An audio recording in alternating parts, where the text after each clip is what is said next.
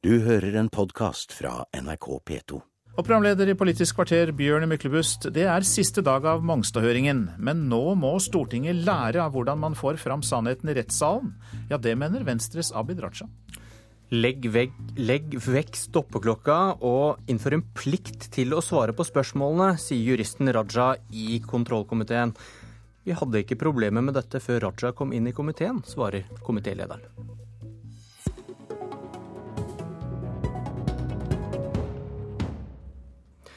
Det var en gang for ikke lenge, lenge siden.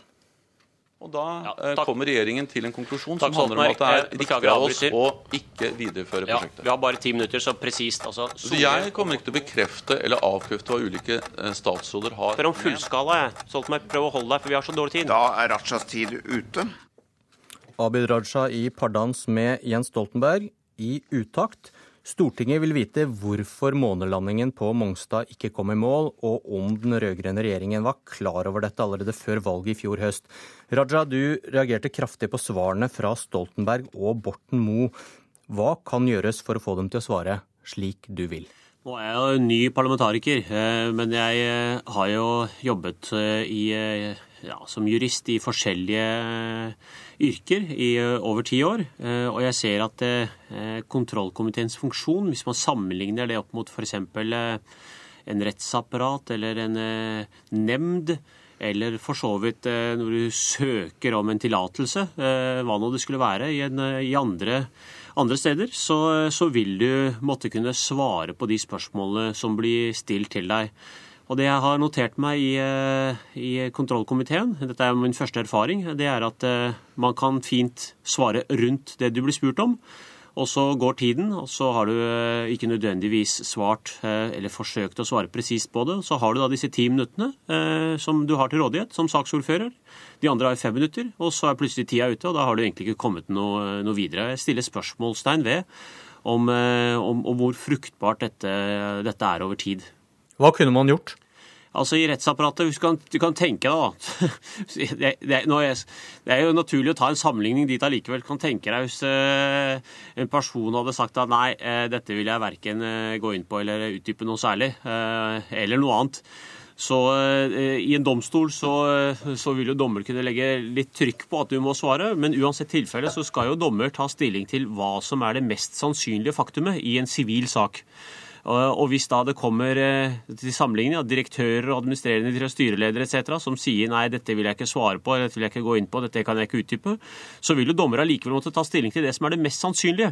Og eh, vi som eh, kontrollorgan, eh, når vi skal skrive en innstilling, så er det jo mye vanskeligere å bare legge det mest sannsynlige til grunn når vi ikke har fått de riktige svarene. Så man, eh, man skulle kanskje tro at eh, Altså Både i kraft av at man møter for kontrollkomiteen, iboende i det skulle føle en større grad av eh, ansvar til å opplyse saken, men man kunne kanskje også se for seg at eh, man kunne kanskje pålegge dem å svare.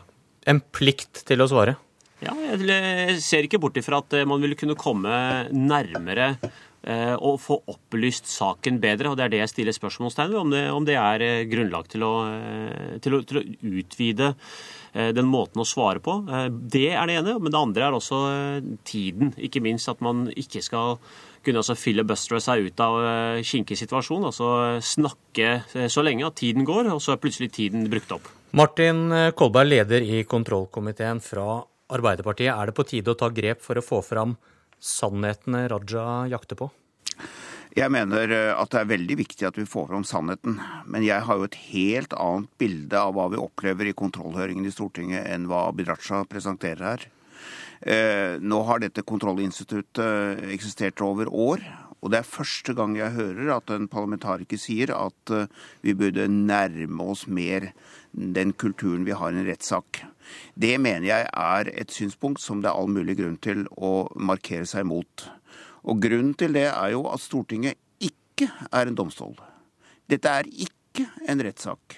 Dette er en politisk høring som har ett eneste målsetting. Det er å få vite om regjeringen har opptrådt i strid med Stortingets vedtak, og om regjeringen på, en, på et eller annet vis ikke har informert Stortinget på en korrekt måte. Det er det som er denne kontrollkomiteens ansvar. Og det har vært gjort ved mange anledninger, senest da i denne enorme store høringen knyttet til den nasjonale tragedien 22.07, hvor ingen uttrykte at man ikke fikk de svarene man for så vidt ville ha. Og jeg kan ikke kjenne meg igjen i det som konkret Raja sier her, at uh, statsministeren eller andre ikke svarte på spørsmålet. De svarte absolutt på spørsmålet. Raja stilte det samme spørsmålet flere ganger, bl.a. til tidligere statsminister Stoltenberg, og fikk det samme svaret selvfølgelig om igjen og om igjen. At han ikke liker svarene, det er en helt annen sak, men det er en politisk betraktning og har ingenting med kontrollhøringen å gjøre. Det siste resonnementet er at hvis man skulle gå i retning av det som Raja sier her, så vil vi få en eh, det jeg kaller for, for det er det beste ordet jeg kommer på, og det er et ganske godt ord, en amerikanisering av høringene. Det vil ikke tjene Stortinget til ære.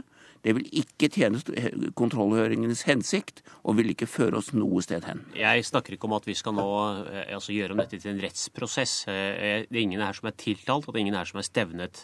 Men allikevel så eh, er det jo grunn til å stille spørsmålstegn ved hvordan man kan komme seg unna med å hysje tingene ned. At man ikke vil opplyse eller belyse saken mer. Og når høringen er slik at altså, som saksordfører så er det dobbelt så mye tid som de andre. Men på ti minutter hvis du har en veldig flink person på den andre siden, som, eh, som jo Jens Stoltenberg er til å svare for seg eller snakke for seg, og iallfall til eh, Og jeg har jo lagt merke til også i spørretimen i Stortinget, så har det jo ikke vært eh, en vane for alle statsråder å nøyaktig svare på spørsmålet. Minuttene skal brukes opp, og så er tiden ute. Her kunne man sett for seg en annen mulighet. og det er At spørsmålsstilleren har sine ti minutter til å stille spørsmål. og så får da den som svarer, kan få da fri disposisjon til å svare på de spørsmålene, så at man ikke misbruker tida. Og Jeg sier ikke at man skal ha en eh, Og det vil jo i hvert fall føre til én ting, og det er at eh, man slipper å fremstå uhøflig og krass når man avbryter den som svarer, når man ser at vedkommende eh, bevisst eller ubevisst forsøker å bruke opp tiden. Jeg sier Noen kan jo gjøre dette bevisst, men andre kan også ha veldig mye på hjertet som de ønsker å fortelle, men ubevisst da så går tiden. Så det du rekker da noen ganger, er at du har stilt to spørsmål, så er, så er tiden ute. Og da har du egentlig ikke kommet noe nærmere. For det første er det slik, og det har jeg presisert som komitéleder uh, faktisk når høringen starter, og vi har snakket om det i komiteen, at den som, den, de ti minuttene eller de fem minuttene man har til disposisjon, det er vedkommendes egen tid. Så når Abid Raja som saksordfører i denne saken eh, har ti minutter til disposisjon, så kan han stoppe og avbryte den han spør, hvis han mener at vedkommende misbruker tiden. Det vet han veldig godt om. Det andre er at jeg, jeg føler meg nødt til å gjøre en veldig tung markering mot de indirekte angrepene som Raja kommer på med, på statsminister, tidligere statsminister Stoltenberg her. Stoltenberg svarte på de spørsmålene som ble stilt, og det er ikke ikke eh, riktig at det er noe som helst slags grunnlag for å indikere at han har forsøkt å holde noe skjult, slik som saksordfører her gjør. Det reagerer jeg som komitéleder ganske skarpt på, og i tilfelle så får han godtgjøre det når han nå skal skrive merknader. Men hva er problemet med å gi mer tid Kolberg, kunne ikke det løst et potensielt problem, da, i hvert fall, hvis noen vil snakke seg rundt det de skal svare på? Nå har vi i denne høringen her sittet i to fulle dager, og vi skal ha en halv dag til. Og vi har fått et veldig bredt inntrykk av hva det er som har skjedd i denne saken. Og vi har all mulig plattform for å kunne trekke våre konklusjoner. Eh, jeg antar at det som Raja, eh, jeg vil si uriktig, er inne på, det er at han ønsker å få vite om prosessene i regjeringen. Det er jo det som har irritert at han ikke får konkret svar på. Det er det som er utgangspunktet for hans engasjement her. Og det er, der, der forsøker Raja, og delvis også Tetzschner, øh, vil jeg si, øh, å innføre en ny parlamentarisk praksis som jeg har gitt en karakteristikk tidligere, og som jeg står ved. Det er konstitusjonelt umodent å tenke seg at Stortinget skulle bli en del av saksbehandlerprosessen i regjeringen. Det vil forskyve maktforholdene mellom regjering og storting på en veldig uheldig måte. Og da er det ikke noe rart i at Raja ikke får svar på den type spørsmål. Da er det du som stiller feil spørsmål, Raja? Eh, nei, det er ikke riktig. Martin Kolberg er veldig flink til å snu debatten i den retning han selv ønsker det. og Det noterer jeg meg at han velger å gjøre også nå, eh, på den måten han, eh, han gjør.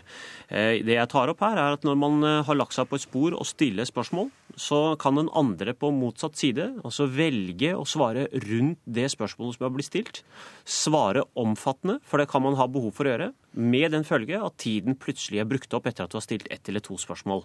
Det mener jeg er uheldig. Det andre er at man kan altså bevisst unnlate å svare presist på spørsmålet for å opplyse saken bedre, men kan snakke seg rundt temaet og komme seg unna med at kontrollhøringens tid da er over. Og Jeg forstår veldig godt at Martin Kolberg har behov da for å si at han er veldig fornøyd med at vi har fått saken belyst så bredt som mulig. Jeg mener at vi ikke har fått saken belyst så bredt som skulle vært mulig å gjøre. Eksempel, som jeg, jeg sier ikke at vi skal ha en rettsprosess rundt dette, men i en rettssal så vil du ha kommet mye dypere til verks. Kolberg, da dere var i regjering, mente du at opposisjonen misbrukte høringsinstituttet med hensyn til hvilke saker som ble tatt opp, og nå mener du gjennomføringen er god nok som den er, i en høring der den rød-grønne regjeringen hadde ansvar for saken. Og nå, og nå må du etterleve dette i opposisjon? Nei, dette, det, det, dette mener jeg er øh, med all respekt feil øh, problemstilling. Fordi det jeg reagerte på i forrige periode, var når man brukte instituttet til noe som etter hvert også viste seg overhodet ikke hadde noe ved seg.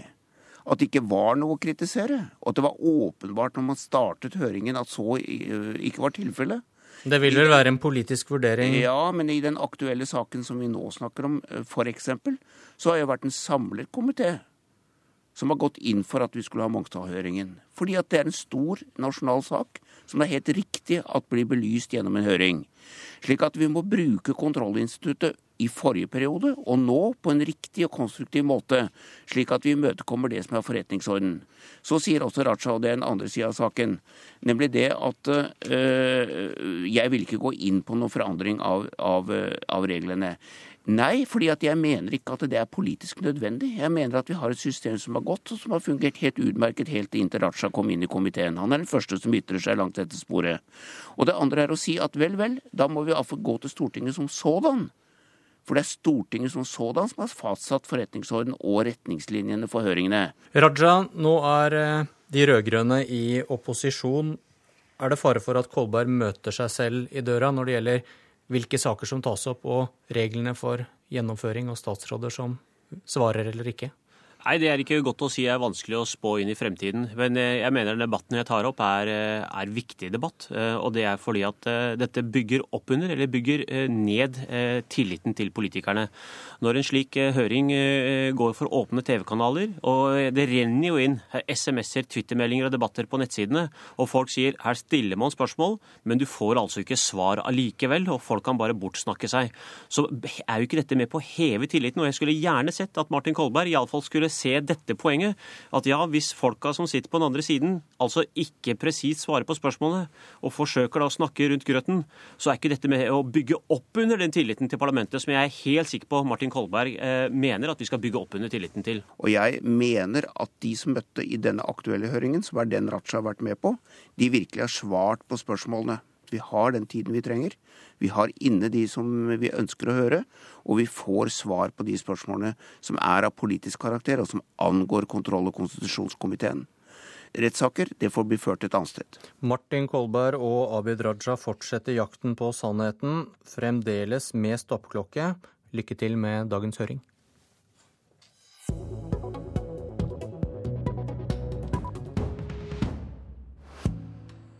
Nytt om Per og Øyvind. For det er visst flere i Fremskrittspartiet som kan snakke rett fra levra. Vi skal åpenbart nå ha en nestleder på deltid med hjemmekontor på Senja. Spørsmålet er hva Per Sandberg skal gjøre, annet enn å heve godtgjørelse, spør stortingsrepresentant Øyvind Korsberg i Verdens Gang. De har vært uvenner lenge, og det toppet seg da Sandberg kalte Korsberg løgnaktig og hevngjerrig i boka si. Og Korsberg har fått med seg at Sandberg skal skrive én bok til. Ja, han får veldig god tid til å skrive ny bok nå da, appåtil med lønn fra partiet. Sandbergs svar? Det er sånn han er. Jeg er fornøyd med at mine kritikere i alle fall er synlige nå. Jeg har heldigvis 27 andre i stortingsgruppen som jeg kan snakke med. I Dagens Næringsliv skriver kommentator Kjetil Alstaheim om Sandbergs comeback og FrPs dalende oppslutning. Frp har fortsatt ikke funnet ut hvordan partiet både skal framstå som like utålmodig som før, og samtidig fortelle velgerne at de må være tålmodige.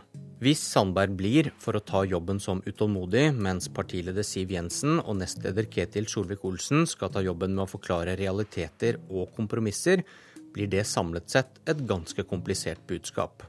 Men Frp kan finne håp i Dagsavisen, som i sin leder konkluderer med at Sandberg er den beste løsningen for partiet. En kamp mellom fløyene om hvem som skal bli ny nestleder, er ikke god medisin mot tilbakegang. Og det var Politisk kvarter. Jeg heter Bjørn Myklebust. Du har hørt en podkast fra NRK P2.